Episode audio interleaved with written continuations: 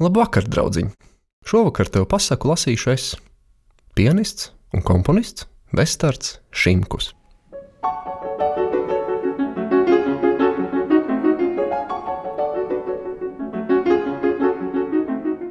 Šodien, skatoties uz to, ko man bērnībā nozīmēja pasaka, es varu teikt, ka pasaka man iemācīja poētiski skatīties uz šo pasauli. Tā tad sava veida abstraktās domāšanas mācība tā man bija.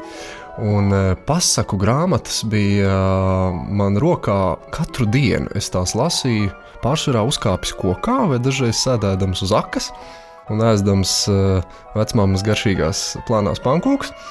Un līdz ar to tieši novēršot acis no pasaku grāmatas uz kādu brīdi un paskatoties sev apkārt, pagalmā, vai uz meža malu, vai uz kādu koku vai krūmu, es gluži nevilšu sāku tajā visā redzēt šos te pasaku tēlus un piedēvēt apkārt redzamajām ikdienišķajām lietām tādu poētisku un šķiet nedaudz pārdabisku būtību. Un es domāju, man kā māksliniekam tas ir visu dzīvi ļoti iedvesmojis.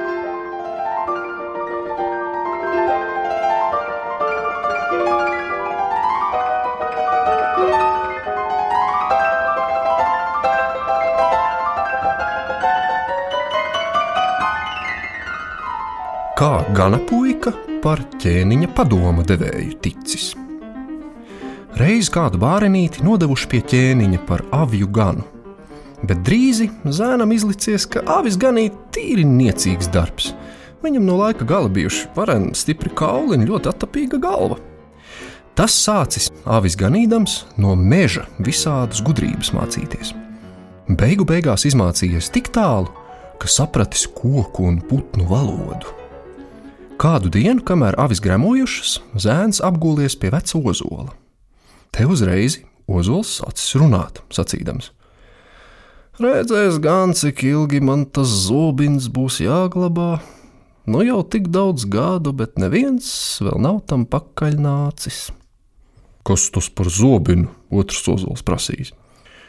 Tam zobinam pīlāģa spals, ar viņu var katru vēlnu nomaitāt.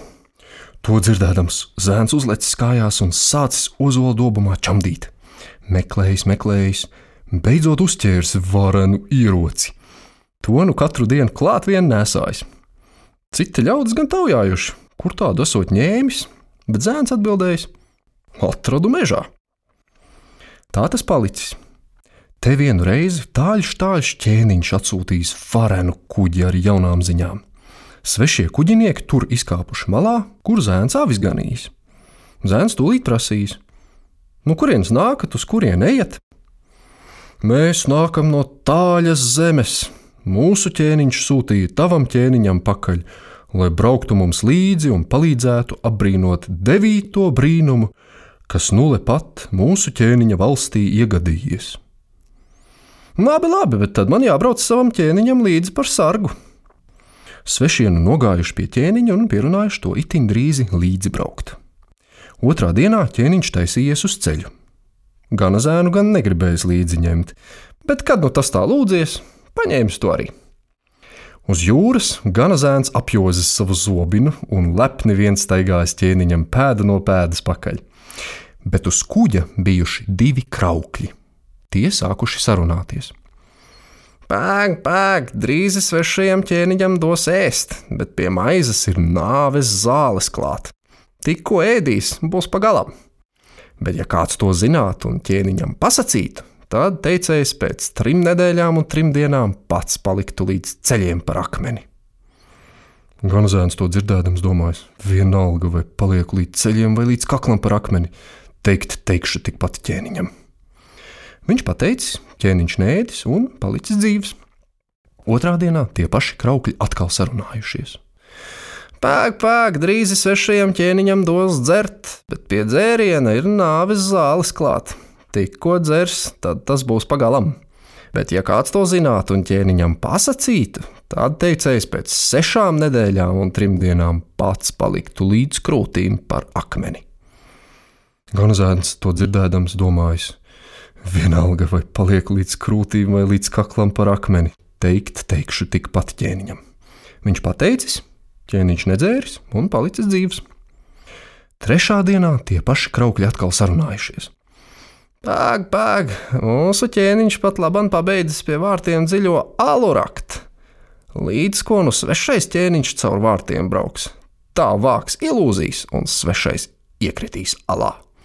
Bet, ja kāds to zinātu un ķēniņam pasakītu, tad teicējs pēc deviņām nedēļām un trim dienām pats paliktu viscaur par akmeni.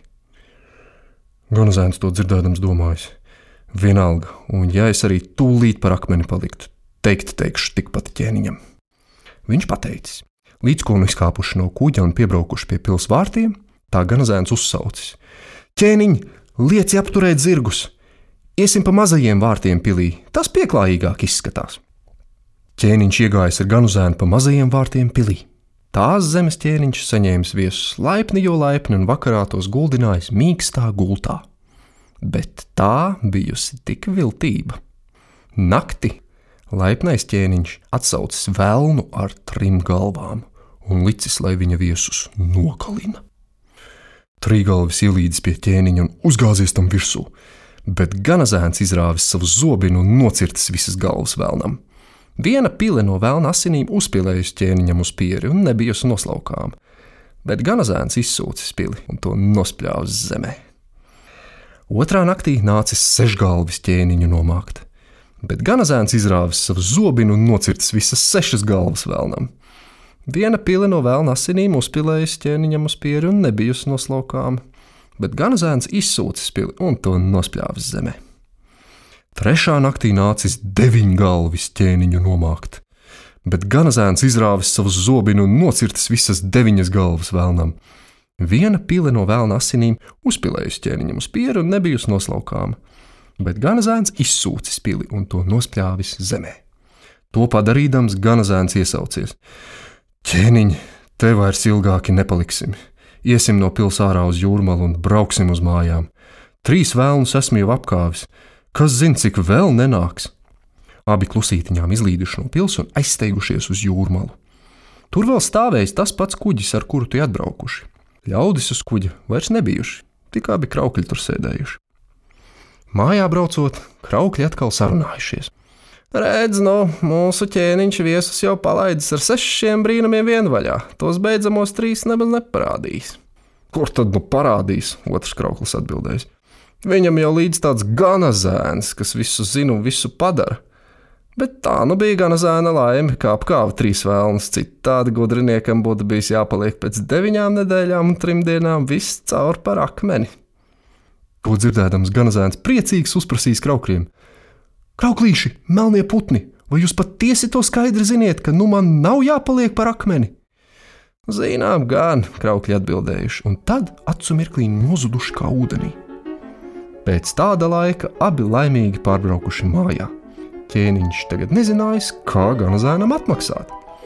Viņš viņu apdāvinājis bagātīgi un iecēlis par savu padoma devēju.